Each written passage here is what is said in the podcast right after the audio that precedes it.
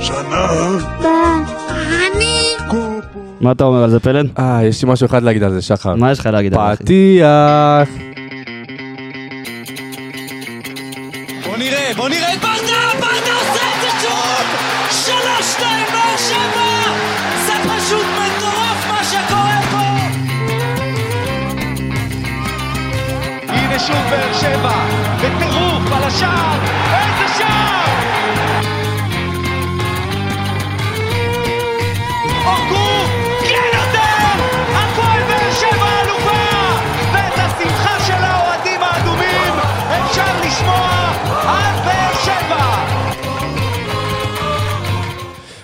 ברוכים הבאים לעוד פרק של פודקאסט האנליסטים שלנו, פה באולפני קרוצ'י המאוחדים. אהלן, אהלן, שלום. לשחר מיכלובסקי. שלום פלד ארבלי. שלום לנתי קרוצ'י. שלום פלד, שנה טובה. בהזדמנות הזאת, כן, נאחל שנה טובה לכל המאזינים? שלנו. בדוק עבוד הפתיח. יפה. אה, נזכיר לכולם, לכל מי ששכח, הפודקאסט שלנו מבית היוצר של פורמט האנליסטים של רפאל קבסה, אז כמו כן לפורמט כמה או כמה פודקאסטים מרתקים, כמו אה, אנליסטים מכבי חיפה, אה, שחר, רפואה שלמה? כן, אה, ברצלונה זה בסדר. גם רפואה שלמה. טוב, בסדר. אז אם יש לכם חברים אוהדי ברסה, אפילו הפועל תל אביב, מכבי תל אביב גם. אה, גם מכבי תל אביב, אתם מוזמנים לספר להם עלינו ועל הפורמט, וכמובן לעקוב אחרינו בדיגיטל ובכל הפלטפורמות להנאתכם. יש עוד פלטפורמה? איזה פלטפורמה? יש לנו את הפלטפורמה. שלנו, רגע, רגע, אנחנו עוד מעט נגיע לזה, אה, אתה עוד רוצה מעט את זה? נגיע לזה, בסדר. אל תדאג. אה, נזכיר לכולם, נזכיר לכולם את הפלטפורמות שלנו, פייסבוק, טוויטר, טיק טוק, אינסטגרם, אה, אנחנו נמצאים בכל ההודעות, תשלחו לנו, תחפרו לנו, אפליקציות השמע, אני לא ארחיב על כולן, אתם כבר יודעים, כי אתם מאזינים לנו עכשיו, אז כנראה שאתם כבר, יש לכם את אפל, האפליקציה שלכם. גוגל, אה, הכל. ספוטיפיי, הכל? הכל, איפה שאתם רוצים. נכון. אה, וליגת הליגת חלומות. חלומות, הנה ליגת הגענו. לזה. ממקום ראשון פלד, תזכיר לנו כולם. פרס. דה פרס. או, מ"ס קבוקים, אני בטוח שאתה שומע עכשיו. מקום אבל תשיעי, מקום תשיעי. אתה נפלת נפילה חופשית, אני לא מדבר על הקבוצה שלי בכלל, כן? אבל אה, יש לו תחזור. הרבה פציעות חלק אצלנו, מהעונה. אצלנו בפאנל יש את אה, גיא. אה, גיא, גיא וחברים, גיא וחברים. לוזון וחברים גם בעצם. שחר בז נותן עבודה. והם אחד אחרי השני, ככה שישי שביעי, אז נגיד להם כל הכבוד, בואו נראה אם אתם יכולים לעקוף אותנו. אה, אה, אותם, אל תיקח להם קרדיט, אבל קודם כל עכשיו זה פגרה, זה זמן, אתה יודע, אה, לחשוב, לחשב מסלול מחדש, גם בשבילנו. יפה. פלד, נתי, זה גם לתת בשבילנו. מנוחה ל- לשחקנים הווירטואליים, מה שנקרא. יפה. היום יש לנו? פרק רגע, אתה רוצה ספיישל. את הקוד? אה, זרוק את הזה. 155, 143. אם יש לכם חבר שאיכשהו לא הצטרף עדיין, עוד פעם, עוד פעם. 155, 143. מעולה. תוסיפו חברים ככה תוסיפו, שאנחנו. כבר נגדל. טוב, פרק מיוחד. נכון. פרק פגרה, אבל אנחנו רצינו ככה לשכלל, וככה בעקבות כמויות של שאלות שנשלחות אלינו ככה בפייסבוק, באינסטגרם, החלטנו על פרק מיוחד. שחר רוצה להסביר על הפרק? כן, אז אה, גם שבעקבות שאלות ששולחים אלינו ומבקשים הסברים והכל, וגם, אתה יודע, בעקבות אה, הלך רוח שאתה שומע ביציעים, שאתה שומע. אצל הרבה מאוד אוהדים, באנו לעשות סדר. עכשיו, על הפרק אנחנו החלטנו שאנחנו קוראים לו, אה, זוכר את הסדרה הזאת? בדוק, אתם זוכרים את זה? מנפצי המיתוסים. יפה. זוכרים את זה? מידבאסטרס. כן. זה בגיל של, של נתי, לא? כן, גם אני פעם. ראיתי את זה. אבל הגיל של נתי כנראה יותר זוכר את זה. אבל אה, הוא ידע אנ- אנגלית בלי כתוביות, זה בטוח. אבל אה, יש מיתוסים שצריך לנפץ בכדורגל. עכשיו, יש מיתוסים שאנחנו לא נוכל לנפץ, כמו נגיד אה, עוד מעט מונדיאל, עוד 58 ימים. אז, הוא אה, הכניס את זה, אה? אז, אז יש את, אה, כולם מכירים את אה, אוצ'ואה, השוער של מקסיקו. נכון. יש, מי- אומרים שהוא משחק. רק במונדיאלים, גיז'רמו אוצ'ואה. כן. הוא משחק רק במונדיאלים, לא באמת משחק בכדורגל קבוצות. זה לא נכון, אבל אני לא יכול לשבור את הטענה הזאת, כי גם אני חושב ככה. או שנגיד תומאס מולר, בן 32 כבר 10 שנים, למרות שהוא בן 33. נכון, נכון. מוריניו נולד בגיל 35. רותם חתואל היה משחק שהוא לא כבש בו. מלא מיתוסים שאני לא יכול לשבור. אבל... אה, אז בשביל זה הגענו לפרק הזה. נכון, אה, יש נכון. לנו פה את אה, נתי קרוצ'י, השובר מיתוסים המפורסם. נכון. אני פה עם הפטיש. פטיש לפני חמש. לפני שנתחיל, בוא ניתן רגע מילה על הנבחרת, כי שיחקו ומשם שחקנים... נתחבר לזה. כן, נתחבר לזה באמת. אה, נתחיל עם זה שקודם כל אה, ניצחנו, משהו הכי לא אופייני לישראל שראיתי. לא בעולם. נבחרת אופייני- ישראל. אופייני לקבל גול דקה 87, זה לא היה- אופייני להבקיע את השער ניצחון. נכון. אה, בואו בוא ניגע רגע בהיבט שלנו. אה, גלאזר נתן משחק. גלאזר, הופעה, אני חושב, שוב, ממשיך. דיברנו על זה בפרק הקודם, נתי היה איתי נכון. פה, דיברנו על העניין הזה שעמרי גלאזר צריך, ורצוי כמה שיותר מהר חייב יהיה- להיות בנבחרת, בהרכב הראשון. ישראל. נכון, במיוחד כשדניאל פרץ בצעירה עדיין. נכון. נכון. וגם אם דניאל פרץ היה ואופיר בבוגרת, מרציאנו לא לא נותן את הוואו שלו. תשמע, אופיר לא משחק. לא בדיוק. משחק בדיוק. הוא שוער שני, לפעמים שלישי בפיינורד, אה, הוא שוער צריך להיות, נכון שאתה עוד סטיגמה של. שוער נבחרת, אבל עדיין אני מעדיף שוער- שמשחק, שמרגיש את הכדור, מאשר שוער שבא ומשחק פעם בשלושה ארבעה. חודשים. אה, נמשיך לשחקנים שלנו, נתחיל עם, אה, קודם כל עם רגע, ספורי, נגיד, עם שנייה- ספורי שלא הגיע. רגע, נגיד על גלאזר, שלא היו לו כל כך הרבה מצבים להתמודד איתם, אבל כשהיה לו, ו- זה היה בדקה החמישית. אחד על אחד. ואחד על אחד והוא לקח את זה ועוד מדהים. כדור מהחיבור, ועוד, זה לא היה בחיבור כל כך, זה היה... זה היה בדרך. בדרך לשם, זה היה גבוה, זה היה חזק, זה היה מפתיע מתוך הרחבה, והוא לקח את זה בצורה מטורפת, כמו שגלאזר יודע לעשות, ובגול לא היה לו מה לעשות. נכון. זה אין מה לעשות, גול, וואו, אה, איזה שער כזה. שער. אבל אה, עוד שחקן זה מיגל ויטור, שראינו אותו יוצא ומחזיק את הירך. והוא וזה- התמודד עם שחקן אה, הוא לא התמודד עם פשוט. ארמנדו ברוז'ה, שזה חלוץ פרמייר ליג. שחקן מצוין. היו לו שמונה שערים בסאוטהמפטון שנה שעברה בכל המסגרות, והוא כרגע טוחל אז, אה, כשעוד היה מאמן צ'לסי התעקש לא לשחרר אותו, וגרם פוטר עכשיו אה, אומר שהוא יקבל את הזה, כי הוא באמת שחקן, רואים אותו, הוא גבוה, הוא חזק, הוא זריז, ומיגל ויטור התמודדו 85 דקות נגיד עד הפציעה שלו. נקווה שזה לא ישליך ככה כמה שיותר אה, לתקופה ארוכה מבחינת נכון. מיגל ויטור. נאחל לו גם מזל טוב אה, על הילד נולד. הוא החדש. מתווסף, נכון, נולד לו ילד. נכון. איזה אז, קצב, מיגל, כל הכבוד. שיהיה, באמת. הוא. הוא מתווסף ל... רמזי ספורי. לרמזי ספורי שאנחנו שנפצע. שומעים אה, שהוא הולך אה, ככה להיפרד מאיתנו לתקופה שלושה לא שבועות קצרה. לפחות. אה, שזו תקופה משמעותית, אני חושב, לפני ככה היציאה ל... פגרת ל- המונדיאל. למונדיאל, ואנחנו רואים באמת שיש משחקים חשובים. שוב, יש לך לך פוזנן. קש... לך פרוזנן, ואני גם חושב. אני חושב שהמשחקים האלה זה משחקים שאנחנו עוד מעט נדבר על זה קצת יותר, כמובן לקראת המשחקים האלה, אבל אני חושב שזה משחקים שוויטור, אה, ויטור, כמובן ויטור, אבל שספורי יהיה מאוד מאוד קריטי בהם. נכון, אומרת, זה- זה נכון. אנחנו נשחק מול קבוצות שרמזי ספורי. זה, זה משחקים בשבילו. אה, חבל, אה, נקווה שנוכל לעשות את השינויים המתאימים, כמובן נדון על זה לקראת המשחקים האלה. נכון. אה, ונקווה כמובן שוויטור, אה, ככה זה יהיה פציעה ממש אה, מזערית ולא נראה את זה לתקופה ארוכה. דיברנו על גלאזר, נמשיך לשני שחקנים שלא שיחקו, שזה אבו עביד ודדיה, ונוסיף אליהם את השחקנים שהולכים לשחק. אה, נכון. חתואל ואליאס שקיבלו זימון בכורה. לא יודע אם. הולכים לשחק, אבל זימון אה, בכורה אני- אני לנבחרת. הבנתי, אני הבנתי שביקשו חמישה, אה, חמישה חילופים כדי שכולם יוכלו לקבל דקות.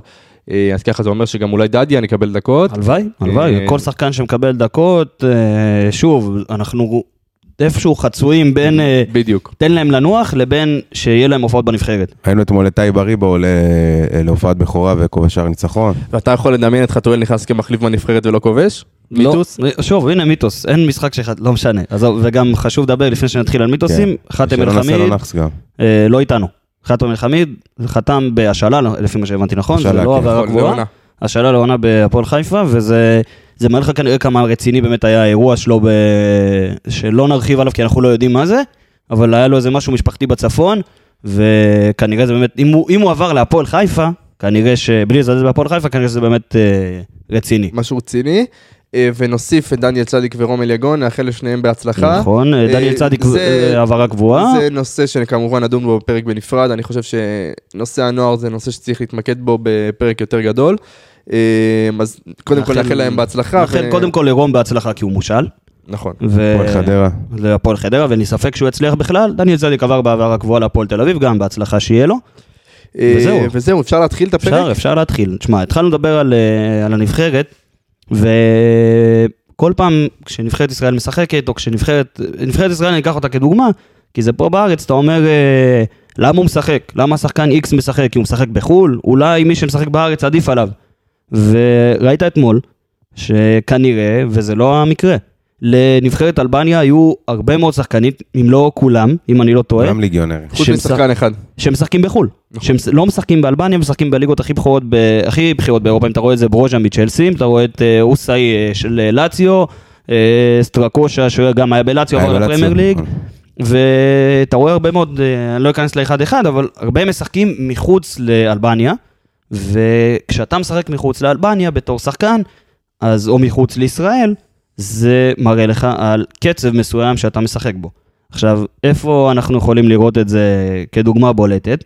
אתמול בנבחרת, היה לך מצד אחד את אלי דסה, שרק חתם בספרטק או דינמו? איפה הוא חתם? דינמו מוסקבה. דינמו מוסקבה, חתם ב- בדינמו מוסקבה אחרי ששיחק שלוש שנים בהולנד, והוא לא שיחק תקופה ארוכה, בערך שלושה חודשים. מצד שני, המגן השני שלך היה דורון ליידנר, מגן של אולימפיאקוס, מדהים. שנתנו שניהם באמת משחק מדהים, וגם ליידנר לא שיחק בערך שלושה חודשים, הוא עדיין לא שיחק באולימפיאקוס, ועוד הביאו לו את מרסלו על הראש. אבל, כן. אבל, זה מראה לך שקודם כל ממרסלו זה לא הדוגמה לכל אה, ליגיונר, אבל כשמרסלו בא ועל הראש שלך, חוץ מללמוד אתה לא יכול לעשות שום הוא- דבר. הוא גם לא משחק לא בגלל מרסלו, יש שם בעיה עם הדרכון וזה. כן, נכון, עם אישורי עבודה והכל, אבל הוא עדיין, הוא לא שיחק שלושה חודשים. אבל הוא מתאמן בקצב מאוד מאוד גבוה. וכשאתה רואה שליגיונרים לפעמים בוחרים אותם לשחק בנבחרת, גם אם הם משחקים פחות, או לא משחקים, על פני שחקנים ישראלים שמשחקים באופן סדיר פה בליגה, זה מראה לך כי כדי להתמודד עם נבחרות אירופיות שמשחקות עם שחקנים שמשחקים בליגות בכירות באירופה, הם משחקים בקצבים מאוד מאוד מאוד גבוהים. וכשאתה משחק בקצ- בקצבים גבוהים, הליגה הישראלית היא לא מדד לזה. הליגה הישראלית לא יכולה להתמודד עם הקצבים שאתה משחק באירופה. אתה רואה, כשאנחנו, כשבאר שבע משחקת באירופה, יש לך הכנות מאוד מאוד מסוימות, כי אתה צריך להתאים את הקצב שלך לקבוצות שבאות מחו"ל. ואתה רואה גם אצל מכבי חיפה, שזה יותר קיצוני, כי משחקים נגד קבוצות יותר טובות. וזה להתאים את הקצב, ראינו את זה מול פריס סן ג'רמן, בסוף, דקה 60, מכבי חיפה היו על הרגליים.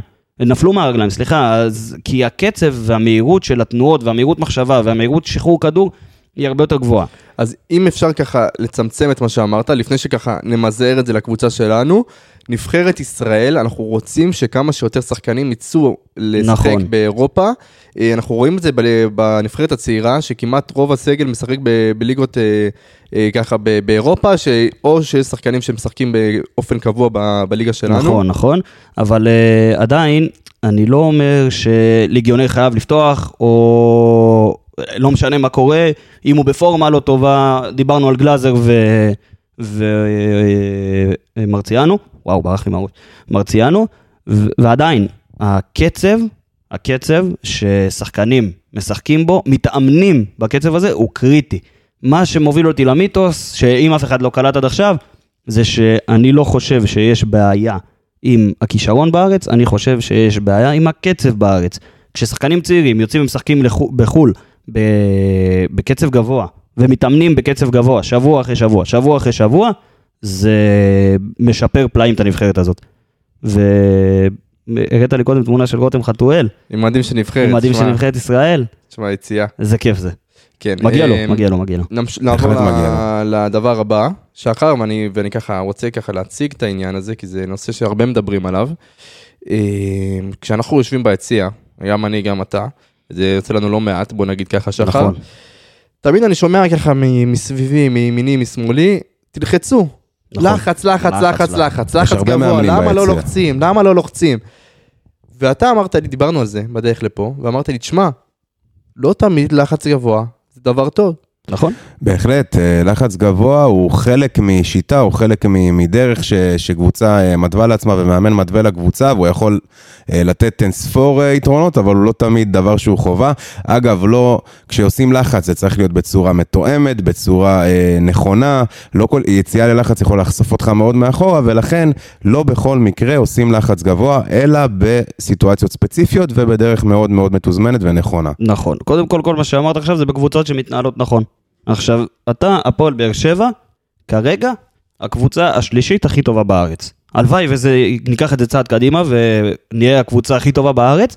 כרגע הפועל באר שבע זה הקבוצה השלישית הכי טובה בארץ. לאן אני מוביל מפה?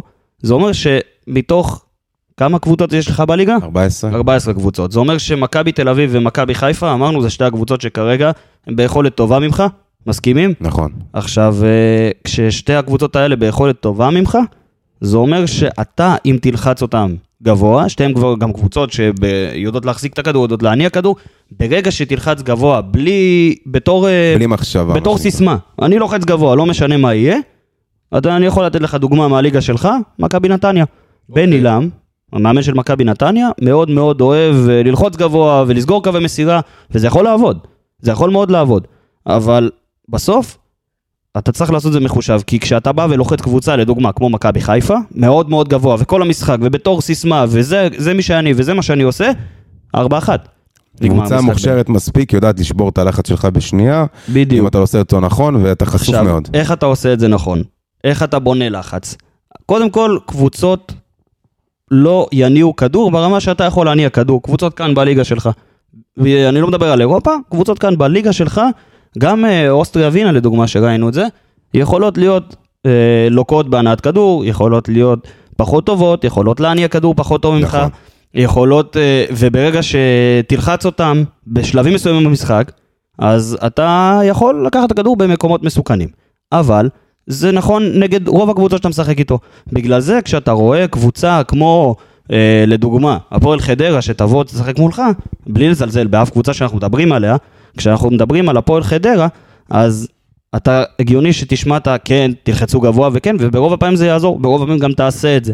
למה? כי אתה יכול ללחוץ, וגם כשהם יניעו את הכדור, אתה יכול לקחת את הכדור במקומות יותר אגב, מסוכנים. לדוגמה, אה, קודם כל, אה, לחץ גבוה הוא, הוא מאוד מתיש. הוא נכון. צורך הרבה אנרגיה, ולכן צריך גם לדעת לעשות את זה בצורה מדודה, כי אם נעשה את זה לאורך כל המשחק, השחקנים יפלו מהרגליים דקה 40-50. יפה. אה, ובנוסף, זה יכול לבוא בכל מיני וריאציות, זה יכול להגיד, המאמן רוצה, יכול להגיד, אני רוצה להבקיע שער מהיר, אני רוצה ככה וככה וככה, ולכן להתחיל עם לחץ גבוה על תחילת המשחק, לנסות להבקיע את השער המהיר, או לשחק בצורה נינוחה לצורך העניין לדקה 50-60, ואז שמה להתחיל להגביר לחץ כדי לעשות הכרעה במשחק.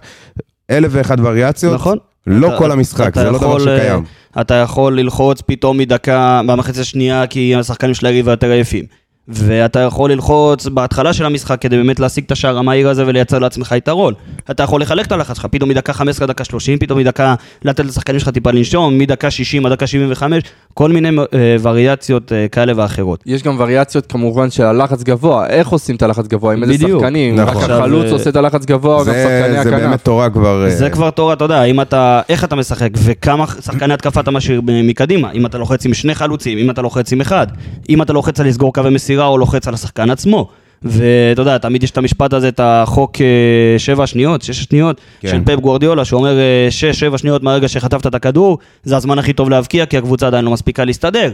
אז אם אתה לוחץ גבוה, אולי לא שווה לך את רוב המאמצים שלך בלחץ למקד באזור החצי, למקד יותר אני אגזור באזור לכם עוד השליש האחרון. סיטואציה מתוך זה. אה, דקה 88, בסדר? אני פתאום שומע, נגיד, אחד האוהדים שלנו, אה, רואה, לא יודע את מי, ניתן לך דוגמה סתם, את אה, תומר חמד, בסדר? אחרי שהוא 90 דקות כבר על המגרש, נו, למה אתה לא לוחץ? תרוץ עליו, תרוץ עליו. חבר'ה, זה לא שחקנים ואתה בפיפא. מוביל 2-1. בדיוק. זה לא שחקני פיפא, כן? אין להם אנרגיה בלתי נגמרת. זה, זה צריך לדעת לעשות את זה נכון, בצורה צריך נכונה. לדעת את הטיימינג הנכון, מתי לעשות את זה, בגלל זה הסיסמה, לחץ גבוה כסיסמה, כשיטה, כמשהו מאוד מאוד גדול, להגיד כל הזמן, אם לא לחצנו גבוה, לא שיחקנו טוב, זה לא נכון. זה לא נכון, הלחץ, כדי לסכם את זה, צריך לבוא בטיימינג נכון, בצורה מאוד מאוד אה, מתוזמנת, ובצורה שאתה בא איתה בתור תוכנית משחק, ויודע גם לשנות בהתאם תוך כדי המשחק. אבל לא כסיסמה ולא כמשהו שאם לא עשית את זה, לא שיחקת טוב. באמת. סיכמנו את זה? אני חושב שכן. נעבור לדבר הבא.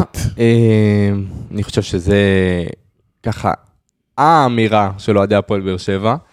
אה, דיברנו על זה כמויות שרוני לוי היה אצלנו, אה, דיברנו על זה גם העונה, אני חושב ששלושה בלמים זה משהו, בוא נגיד, אמירה שככה היציעים מפרשים אותה כשלושה בלמים זה הגנתי. אה, נכון, נכון. עכשיו, אם אמרת כבר רוני נכון? לוי, לא, הופה. לאו דווקא. נכון זה. שהם אמרו את זה, זה לא נכון שזה הגנתי. בדיוק. נראה. עכשיו, אה, אם אמרת רוני לוי, אז באמת אה, העידן של רוני לוי בהפועל באר שבע מאוד אה, הסתמן ב... לח... לא על לחץ גבוה, על עמידה באזור השליש השני, באזון 2, ולחכות לקבוצה שתתקוף אותך מול הרבה מאוד קבוצות שלאו דווקא היו אה, מסוכנות אליך, או עושות משהו עם זה. עכשיו, ברגע הזה, אתה באמת מאבד הרבה מאוד מהאפקטיביות שלך במשחק. אנחנו רואים, לדוגמה, אתה יודע מה, אני רוצה קודם אולי אה, דוגמה מהעולם כזה, תן לי את זה. ואז ואז אה, זה עכשיו, אתה יודע מה, לא, אני לא הכי החלטי היום, אבל תשאיר את זה אחר כך. כן, אני אתן לך, בוא נגיד לך איך אני אבנה את זה בדיוק, איך נבנה את הדבר הזה, שיישמע לכולם טוב באוזן. קודם כל, הרכב של שלושה בלמים, מה אתה צריך בשביל הדבר הזה?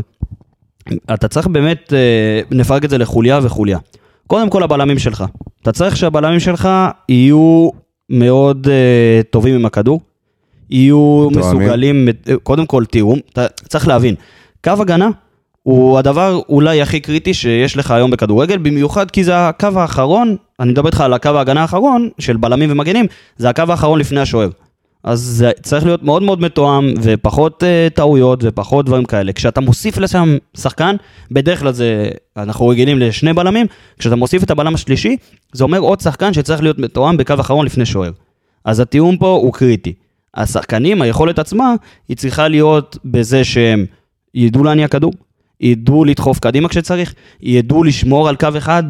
כל הדברים האלה צריכים להיות לבלמים, ואתה רואה כשאתה משחק, ב... כשהרבה מאוד קבוצות גדולות משחקות במערך הזה, הבלמים הם בעצם גם מצטרפים לך להתקפה. אם אתה, אם, אתה יודע מה, אני אקח, אה, כי אני יודע הכי טוב, אני אקח את, אה, את, את צ'לסי, ב, ב, בזמן הכי טוב שלה עם טוחל, איך הוא היה מס- מבסוט להתכונן לפרק הזה, אה? בטח, בטח. אבל באמת זו הדוגמה הכי טובה לזה. אחרי זה גם ניגע בהפועל באר שבע בדבר הזה, כי נגיד כשצ'לסי לקחה ליגת אלופות ב- לפני שנתיים, היא לקחה את זה עם המערך הזה. ואתה היית רואה פתאום את אנטוניו רודיגר נכנס לתוך הרחבה. והיית רואה, ואני לא מתחיל לדבר על מגנים עדיין, כן? אבל היית רואה פתאום בלם מצטרף, היית רואה את יאגו סילבה, היית רואה את אספיליקווטה. היית רואה הרבה מאוד שחקנים שעל החצי מאוד מאוד מעורבים במשחק ההתקפה שלך. עכשיו, זה, זו, אלה התכונות שאתה רוצה מבלמים.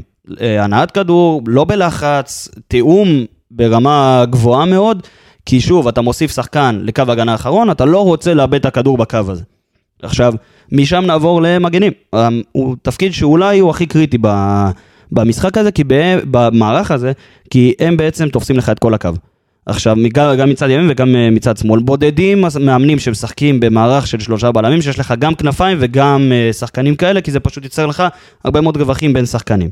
עכשיו, המגן, מגן כנף, אפשר לקרוא לזה, הוא ווינגבק בדיוק, הוא מאוד מאוד קריטי, כי באמת הוא תופס לך את כל הקו, והוא צריך לבצע שני תפקידים, גם מקדימה וגם מאחורה. אה, דוגמת אה, אלדר לופז, אותו דבר... אה, התקפה והגנה, בסך הכל התקפה. והגנה והכל. אנחנו צריכים קודם כל שיהיה להם את הכושר לדבר הזה, שתהיה להם את היכולת, אתה יודע, כולם זוכרים נגיד פה את אורן ביטון. אורן ביטון היה מאוד מאוד מאוד טוב התקפית, וחלש חלש יותר הגנתית. בלשון המעטה. בלשון המעטה. עכשיו, פה אתה גורר כבר סגירה של הבלם אליו, וכבר ירידה של הקשר אחורה. אם המגן שלך לא מסוגל לבצע שני התפקידים, אנחנו רואים נגיד את לופס, שטוב ב- בשני הצדדים, במיוחד העונה, אז אתה נפגע מזה. בגלל זה התפקיד הזה הוא הכי קריטי שיש. קודם כל זה כושר, דבר שני זה להיות מסוגל גם הגנה, גם התקפה. החוליה הבאה היא חוליית קישור, ופה אתה צריך שהקשרים שלך, אחד לפחות, חייב לשחק סוג של פליימקר אחורי, לבוא, לקבל כדור, להניע אותו, לדחוף קדימה, לקחת כל הדברים האלה.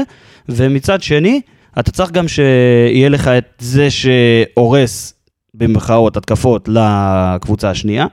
ואם נחזור לצ'לסי, אז סטייל אנגולו קנטה, שחוטף, לוקח כדור ויוצא קדימה, והדוגמה השנייה היא ז'ורג'יניו, שלוקח, מנווט את הכדור מצד לצד, ומשחרר לך את הלחץ מהמקומות האלה. כן. מבחינה הגנתית, אם תשאל מה אתה צריך במערך הזה, זה שהקשרים תמיד יהיו מוכנים לחפות על המגן כנף. אם הוא עלה, אז אחד מהם צריך לדעת שכנראה זה יהיה התפקיד שלו לסגור את זה. מכיוון שהמגן, הוא, בוא נגיד, אה, נותנים לו את השחרור ההתקפי הזה, בדיוק. אז יכול להיות שהוא לפעמים גם קצת יתפזר, לכן נכון. ה- עכשיו, אם בוא, בוא ניקח את הסיטואציה הזאת, נגיד ומגן עלה, אז בלם יכול לסגור אותו, אבל אז יהיה לך חסר בלם מאחורה, אז או שקשר ילך לשם, ואם אתה לא רוצה להוציא בלם מהעמדה, כי אתה רוצה שבלם ישמור על העמדה שלו בקו האחרון, אז הקשר הולך למקום הזה. ובקיצור, חוליית קישור צריכה להיות מוכנה גם מבחינה התקפית לנווט ולתקל. ולצאת קדימה, ומצד שני, התיקולים הם גם מאוד מאוד חשובים הגנתית, אבל הכי חשוב הגנתית זה הסגירה הזאת לקווים והחיפוי על המגנים או על הבלמים, תלוי בסיטואציה של המשחק. החוליה האחרונה היא חוליית התקפה. חלוצים, בדרך כלל יש שתי וריאציות לדבר הזה, או שלושה שחקנים שעושים חילופים במיקום אחד עם השני, עם, שוב, צ'לסי, אם זה בזמן הטוב שלו, ורנר, מאונט והאברט, כל הזמן. חילופי מקומות, אה, סטים לא דומים, אבל לא, לא הכי שונים אחד מהשני. אחד שישחק לך עם הגב, ואחד שיותר אה, דריבליסט, ואחד שיהיה זה, ואם אתה לוקח את זה אצלנו לקבוצה, אז אתה יכול להגיד, אה, אצלנו פחות ראית עם אה, שלושה חלוצים שמשנים מקומות כל הזמן, כי זה פחות נכון. עובד. אצלנו ראית בסטייל השני שאני חושב שהמערך הזה צריך לעבוד בו, זה שני חלוצים, מהמם. אם אתה רואה נגיד את חמד ואנסה, את חמד וחתואל, אה, אה, שפי שנכנס גם לדבר הזה. אבל שני חלוצים עם אופי קצת שונה. נכון, כמו שאנחנו מדברים תמיד על אה, חמד ואנסה, נכון. אתה מדבר על חמד שיבוא ויעצור את הכדור וישמור על הכדור, ואנסה שירוץ לשטח, או שיהיה לך שחקן מטרה בתור חמד בתוך הרחבה, ואנסה שיבוא טיפה מקו שני. כל הדברים האלה הם בעצ- בעצם קריטיים לבנייה של מערך של שלושה בלמים. עכשיו, אחרי כל ההקדמה הזאת, מה אתה מבין בעצם? ששלושה בלמים, אם באמת מתפקדים כמו שצריך, אם הבלמים דוחפים את הקו מאוד גבוה, זאת אומרת לאזור החצי, ומשתתפים בניהול משחק ההתקפה במשחק ההתקפה. המגנים, אם אחד מהם, מהמגן שמצידו מגיעה התקפה מהצד שלו, או מצד שני, או שניהם בווריאציות מסוימות נגד קבוצות שהן נחותות ממך יכול להיות, והם שם עולים ותוקפים ומגביהים כדורים, הם תוקפים לך. הקשר, אחד מהם, שוב, גם הוא מצטרף לניהול התקפה, אחד מהם שהוא יותר פליימקר אחורי, יורד ועוזר לזה, ויש לך את החלוצים, שאחד מהם רץ לשטח, ואחד מהם הוא איש אה, מטרה, ובהרבה וריאציות, נגיד, אם אמרנו שלושה שמחליפים מקום, אז אחד זה גם עשר, שבקו שני, הצטרפות של קשר מקו שני, מראה לך כל כך הרבה וריאציות וכל כך הרבה דברים, שאתה, שלושה בלמים לאו דווקא יהיה הגנתי. עכשיו נגיד, זה כן יכול להיות הגנתי, זה כן יכול להיות, ראינו את זה באירופה אצלנו השנה, העמידה של הקו מאוד מאוד נמוך, נכון. וזה גורר את כל הקבוצה אחורה, כי קבוצה צריכה להיות קומפקטית וצמודה אחת לשני, לשני, אתה לא יכול לרווחים גדולים, בטח לא כשאתה עומד אחורה, אתה יכול לעשות את זה גם הגנתי. אבל האמירה שהרכב של שלושה בלמים הוא הרכב הגנתי, זה, זה לא נכון. היא לא נכונה, היא לא נכונה. אני חושב שזה גם מאוד מאוד תלוי בשחקנים, זאת אומרת, המערך הזה יכול לנוע גם להיות, להיות מאוד הגנתי וגם מאוד התקפי. נכון. תלוי, ב, כמו שאתה ציינת פה ובהרחבה, את השחקנים שאנחנו בוחרים למערך הזה ספציפית. נכון. אמ, אנחנו עוד מעט כמובן ניגע גם בסוגיה הבאה שזה אה, שימוש במערכים. נכון, אבל עכשיו- השנייה, לפני שאנחנו נסיים את הנושא הזה, צריך להזכיר כוכבית קטנה, להוסיף בלם היא לאו דווקא אופציה שתשפר לך את ההגנה. כי שוב, אמרנו את זה קודם, על תיאום ועל uh, דברים כאלה בקו הגנה אחרון, זה לא תמיד עובד, להוסיף בלם לא תמיד ישפר לך את ההגנה. מה שראינו בנבחרת ישראל, בדיוק. אה, יותר מפעם נכון. או פעמיים. שלושה בלמים, אם אין לך שלושה בלמים טובים, עדיף שלא תשחק את המערך הזה. אבל שוב, נסכם את זה, מערך של שלושה בלמים יכול להיות הגנתי, יכול להיות התקפי, בדיוק כמו כל מערך, וניגע גם במערכים עוד מעט, והוא יכול להיות התקפי והגנתי בכל uh, צורה, אבל uh, הוא לאו דווקא הגנתי, כי יש לך חמישה בהגנה. הוא יכול לתרום לך התקפית פלאים. ומה... נעבור מערכים ל- אתה רוצה? או שלפני זה... לפני. לפני זה, אז יש לנו, אה, אנחנו רוצים לספר לכם על הספונסר שלנו, על אה, קבוצת אה, חיפה, ואנחנו לא מדברים על מכבי חיפה, אנחנו מדברים על קבוצת חיפה, שהיא, שוב, היא לא המתחרה שלנו על התואר, אבל היא קבוצת אה, חיפה טכנולוגיות, היא הוקמה אי שם ב-1966, כיום היא המובילה העולמית בתחום הדשנים המיוחדים, והיא גם נותנת אה, החסות של קבוצת הנוער שלנו, שהזכרנו. קבוצת חיפה, שהמוצרים שלה נמכרים ביותר מ-100 מדינות ברחבי העולם, הפכה לסמל של איכות, וחלוציות בתחום החקלאות העולמי. אם יש משהו שתמיד ידבר אלינו זה תרומה למשק הישראלי, במיוחד היום, בחג אה, ראש השנה, אז בכלל כיף לעשות את זה. לגמרי. אה, לא רק בפיתוח וחדשנות אה, טכנולוגית, אלא בייצור ובתעסוקה של כ-5,000 עובדים בעולם בכלל, ובישראל בפרט. אמנם אה, קוראים לקבוצה קבוצת חיפה, אבל המתקן המרכזי נמצא כאן אצלנו בנגב, במישור אה, רותם, והקבוצה מסייעת לפיתוח וצמיחת הנגב. אז האלופים האלה בחקלאות והכול, אה, ילוו אותנו בתקופה הקרובה, ואנחנו מברכים על כך. במקרה הזה נגיד תודה לך, קבוצת חיפה. וזה לא, לא כמו שזה נשמע, זה קבוצת חיפה, והיא תסייע לנו בהרבה בפרקים הקרובים, ושוב, צריך אה, גם להגיד שזו הזדמנות אה, תעסוקתית לתושבי הנגב ובאר שבע. אם אתם רוצים לדעת עוד, חפשו קבוצת חיפה בגוגל, אפשר להגיש שם קורות חיים, אפשר לקרוא על משרות פנויות. יש, יש. יש, לא. חסר. יש, תחפשו. אה, שחר, נמשיך. דיברנו על מערכים ועל שימוש במערכים. נכון, והרבה, בוא נגיד ככה, הרבה אה, תגובות חיוביות קיבל יניב ברדה נכון, על היכולת לנוע בין מערכים. נכון. במשחקים האחרונים אנחנו ראינו את זה קצת פחות. זאת אומרת, ראינו את אותו מערך נשאר, השחקנים שהם, בוא נגיד אחד על אחד כזה משתנים. אה, בואו בוא נדבר רגע על מערכים, שחר. אני אתן לך את המשפט שאולי אה, הרבה אנשים לא יסכימו איתו, אבל מבחינתי הוא... מבחינתי הוא הכדורגל היום. המערך, נקרא לזה במרכאות, הוא פיקציה לגמרי. אני אומר שאין באמת דבר כזה מערך. אתה... אני אגיד לך מה, תיקח אותך אחורה, אבל הרבה אחורה. הכדורגל עצמו היום הוא התפתחות של הטוטל פוטבול. אתה ראית את זה מתחיל עם אה, הולנד. בשנות ה-70, עובר אה, עם הנבחרת, זה השפיע כמובן על, אה, על אה, אייקס, משם לקחת את זה עם רינוס מיכלס כמובן. מ- קרויף. משם לקח את זה יוהאן קרויף, שהשחקן של מיכלס אחרי זה היה בברצלונה, ומשם אומרים ה-DNA של ברצלונה, ה-DNA של ברצלונה, זה הטוטל פוטבול, שמשם כמובן אה, גוורדיולה היה שחקן של, אה, של קרויף, ולקח ופיתח את זה עוד יותר, וכל מאמן לומד מהמאמן השני, ומפתח את זה עוד ועוד ועוד ועוד. עכשיו, למה אני אומר שמערכים הם פיקציה? פעם היית רואה מערך, היית לפני משחק רואה את ה-4-3-3 של אה, ברצלונה, היית יודע שכל המשחק, הגנה, התקפה, יהיה ב-4-3-3. היית רואה קבוצה, את אה, מילאן של אנצ'לוטי, משחקת בסוג של אה, 4-2-3-1, אותו איזה דבר. קבוצה. איזה קבוצה, אה? היית רואה את, אה, את צ'לסי של מוריניו, היית רואה כל קבוצה, לא משנה, היית רואה את הפועל באר שבע. לא משנה, הרכב גנרי, לא משנה איזה שחקנים, היית רואה 4-4-2, 4-3-3, היית יודע שזה ה- זה המערך, וככה תראה את הפועל באר שבע משחקת.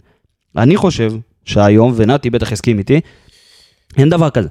אין דבר כזה. היום אתה יכול לראות, כמו לדוגמה, את, אה, את המערך של שלושה בלמים שדיברנו עליו, כשדור מיכה בכלל פותח על הנייר חלק מהקישור, אבל אז אתה רואה אותו בכלל כמגן שמאלי.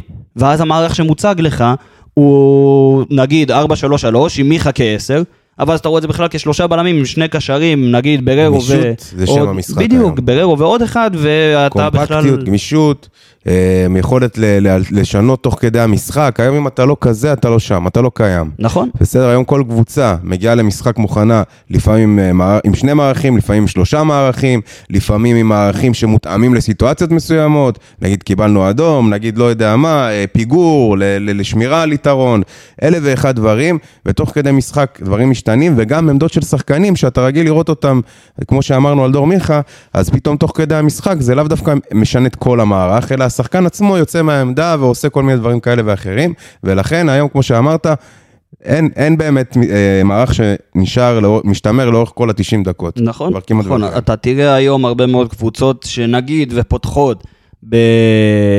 נגיד והמערך שכתוב להם 4-3-3, באמת תוקפות ב-4-3-3 במערך הזה, אבל אתה תראה אותם פתאום מגנות, כשהם עם אה, שני קווי הגנה של ארבעה שחקנים, זאת אומרת קו קישור של ארבעה, קו הגנה של ארבעה, ועוד שני חלוצים, נכון. שאחד מהם בכלל לא חלוץ, אבל הוא מתפקד כחלוץ כדי לייצר 4-4-2 בהגנה, אמת. כי זה מאוד מאוד מסודר. וזה נותן לך עוד שחקן בקו הגנה. אם אתה רואה פתאום אה, קו של חמישה כשאתה מגן, אתה יכול לראות קו של שני בלמים כשאתה תוקף. ונגיד שאחד הקשרים פתאום מצטרף להתקפה ושני המגנים עולים, אתה לא תראה ברוב המשחקים וברוב הקבוצות, אצל רוב המאמנים, מה שאפשר להגיד לטובה ליניב ברדה, שאתה לא תראה אצלם את הקיבעון הזה, וזה המערך שלי, עם זה אני עולה. זה מבחינתי מה שמפריד היום בין מאמן שהוא חי את המשחק ונושם ופתוח לשינויים, לבין מאמנים קצת מיושנים וקצת כאלה שלא לא עושים את הדבר הזה, וזה משהו שיכול לתקוע הרבה מאוד קבוצות. אתה ראית לדוגמה, עוד פעם ניקח את הדוגמה כשרוני לוי היה כאן, בלי לפגוע ובלי להתייחס פרטית, שוב, לא, אני לא באמת חושב שמישהו מהם אה, התלונן על הדבר הזה, אבל עדיין, כשרוני לוי היה כאן, אתה ראית קבוצה מאוד מקובעת. למה? כי היית יודע שזה המערך שלך, אתה גם הגנה, גם התקפה, ובתור מאמן יריב מאוד מאוד קל להתכונן להתכונן. ל- לקבוצה כזאת. כי אתה יודע, טוב, הוא שם באגף, זה מה שיהיה, זה מה שזה, החולשות שלו, היתרונות שלו, אני יודע להתכונן לזה וזהו. היום אתה משנה כל כך הרבה מערכים, ואם כבר דיברנו נגיד על זה, על קבוצות מחו"ל, אתה יכול לראות את, אה, את, את מנצ'סטר סיטי, עם אה, ז'ואאו קאנסלו, שזו דוגמה הכי בולטת לזה, אתה יכול לראות אותו היום באלף ואחד עמדות, בכל דקה במגרש. זהו, זה מתחבר לשאלה שרציתי לשאול אותך. אם אני מחבר את זה שמערכים משתנים, אולי השחקן, בוא נגיד, המודרני, השחקן העתידי צריך לשחק בכמה עמדות, צריך לדעת לשחק גם כ- כ- ככנף קורה. ימין, גם כנף שמאל, גם כמגן שמאלי. זה הכל ביחד. זה בהחלט קורה, אתה רואה את זה גם אצלנו מדי פעם, אתה רואה את זה כמו שאמרנו, מנצ'סטר סיטי, בקבוצות גדולות, היום יש לך שחקנים שיודעים באמת לשחק בכמה עמדות, לצורך העניין נדבר על צ'לסי, אנטוניו רודיגר, נכון? הוא בלם במהותו, משחק גם, שיחק גם מגן תקופה, הוא היה יודע לשחק מגן, עולה למעלה, מצטרף, כאילו גם, זה גם אגב משהו שנהיה, שבלמים מצטרפים המון להתקפה, אה, שוברים את ה... אתה יודע, את הלחץ, כי כשה, כשהבלם מוביל כדור זה לפעמים הרבה יותר קל, הוא רואה את כל המגרש, אה, וכן, כן, זה, זה, זה דבר כאילו שבאמת באמת נחוץ. אני חושב שראינו שלפעמים זה אפילו קצת נקפא על שחקנים. אה, אה, הדוגמה הכי טובה. הדוגמה הכי טובה גם אלחמיד, אני חושב שגם דנילו, שהיום משחקים איתו מגן, הוא נכון. אמר שתקופה זה דור היה מאוד... מיכה, שאתה משחק איתו דור כמגן שמאל מיכה, פתאום. מגן שמאל. עכשיו, אה, זה די תקופת מעבר בכדורגל. הזאת, כי אנחנו, אנחנו רואים את הכדורגל, אפשר להגדיר אותו. אה, אני לדעתי רואה את השינוי קורה, לא יודע, זה מה שאני רואה, כן, זה נקודת מבט הדור הבא שלי. כבר יהיה כזה. בדיוק, הדבר הזה משתנה מאזור, אזור 2015-2016, וששם התחילו באמת יותר גיוון מערכים ויותר כל מיני הדברים האלה, כי הכדורגל לוקח, עם הטכנולוגיה הוא הולך הרבה מאוד קדימה. ואם יותר שחקנים שיושבים, אנליסטים נגיד, או סקאוטים, או יותר אנשי מקצוע שיושבים ומנתחים לך את המשחק, אז יותר קל לך לבוא ולעשות את השינויים האלה בתור מאמן שפתוח לדברים האלה. עכשיו, זה לאו דווקא הקצב של גידול השחקנים, כי מה לעשות, הכדורגל עדיין עובד לפי עונות. נכון. וגם אה, שחקני, שחקנים צעירים שעולים, אתה תראו אותם עכשיו, יותר מסוגלים לשחק ביותר עמדות. עכשיו, אני לא חוש... לא אומר ש... תשמע, שחקן צריך לדעת לשחק גם בתור בלם וגם בתור חלוץ וגם בתור קשר וגם בתור כנף, לא בכזאת קיצוניות. אבל, אבל, אם פאקו פה עושה רעשים, הכל בסדר. אבל אה, עדיין, אם אתה יודע לשחק כמגן, אז אתה תצטרך לדעת היום גם לשחק כמגן כנף בתור אה, בחמישה בלמים. אם אתה צריך, יודע לשחק כמגן כנף, כנראה שתדע גם לשחק רק ככנף. אם הפועל באר שבע שוב, אז אה, יוני סטויאנוב, שגם הושאל מהקבוצה, ראינו אותו שהוא הגיע לקבוצה בתור מגן במרכאות, אבל הוא יודע, התכונות, התכונות שלו הן הרבה יותר התקפיות מאשר הגנתיות. זאת אומרת שהוא ידע לשחק גם ככנף. ואם הוא ידע לשחק גם ככנף, אולי בסיטואציות מסוימות, הוא ידע גם להיכנס לאמצע ולשחק בעמדה התקפית באמצע. ואז זה מראה לך כבר שהכדורגל הולך למקום ששחקן קודם כל לא יכול להשתמש רק ברגל אחת.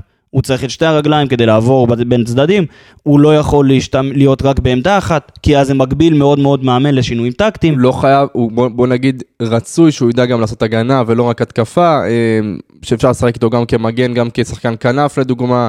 אה, באמת, יש שחקנים נכון. ספציפיים אצלנו בקבוצה שאתה רואה את זה, שהם יכולים לשחק בכמה עמדות. אה, אני יכול להגיד לך שהכי בולט זה היה חאתם אל-חמיד, שמושל להפועל חיפה עכשיו, אבל זה היה הכי בולט, שפתאום ראית אותו יכול לשחק, דיברו עליו תמיד.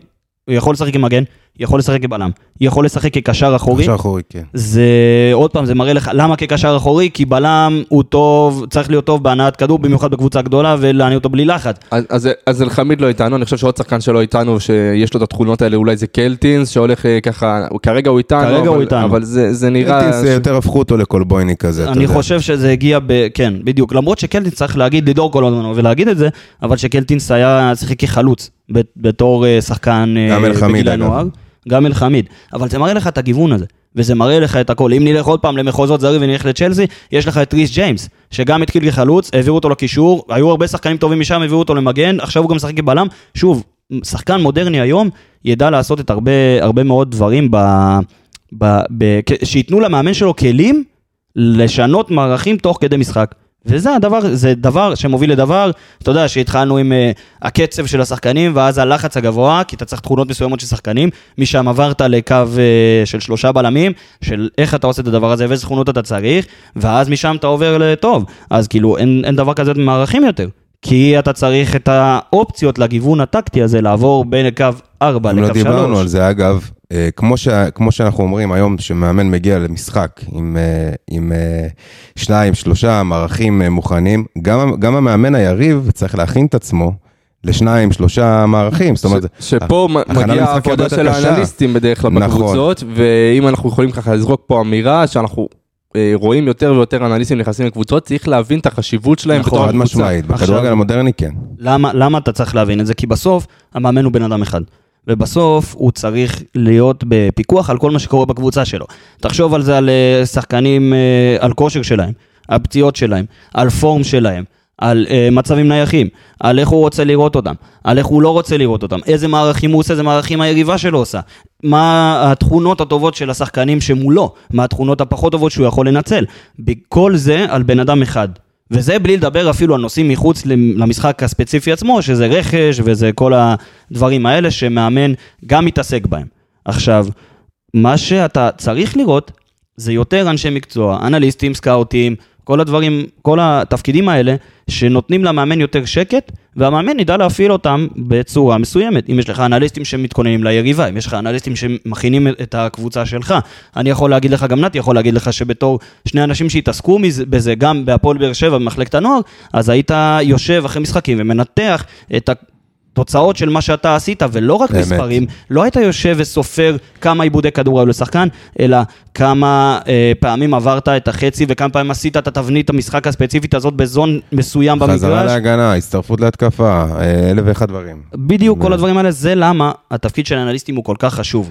זה למה התפקיד של אנשי מקצוע בכמה שיותר אנשי מקצוע בתוך קבוצה, יוריד מהשקט של המאמן. אנחנו רואים את זה באירופה, לאו דווקא באריות אה, של אירופה, נגיד כמו סיטי, כמו צ'לסי, כמו כל הקבוצות האלה, אלא גם בקבוצות אה, דרג, אה, בוא נגיד ב', הייתי אומר, יש לך כבר מערך, מערך סקאוטים, מערך אנליזה. שלכל אחד יש את התפקיד שלו. ומדובר על צוותים של ארבעה, חמישה, שישה, ובקבוצות הגדולות לדעתי יש אפילו עשרה אנליסטים, כאלה שמתעסקים בנוער, כאלה שמנתחים את ליגת האלופות, כאלה שמנתחים את הליגה. נכון. וזה, אתה יודע, זה עושה, כביכול המאמן, הוא עדיין יש לו אחריות גדולה, אבל זה עושה לו את החיים קלים. נכון, ו- נכון, וכשיש המאמן מעטפת, לא... זה משהו שלא שמים עליו את הדגש פה. היום כזה טוב, אז יאללה, נשים אנליסט, כאילו, יאללה, סבבה. צריך, הם צריכים להבין פה גם בארץ, שזה דבר חשוב גם להתקדמות של הכדורגל שלנו פה. עכשיו, למה זה חשוב? כי בסוף משכורת של אנליסט, כמה שאני רוצה שזה יקרה, כן? כמה שכולנו רוצים שזה יקרה, היא לא תהיה משכורת של עוד שחקן.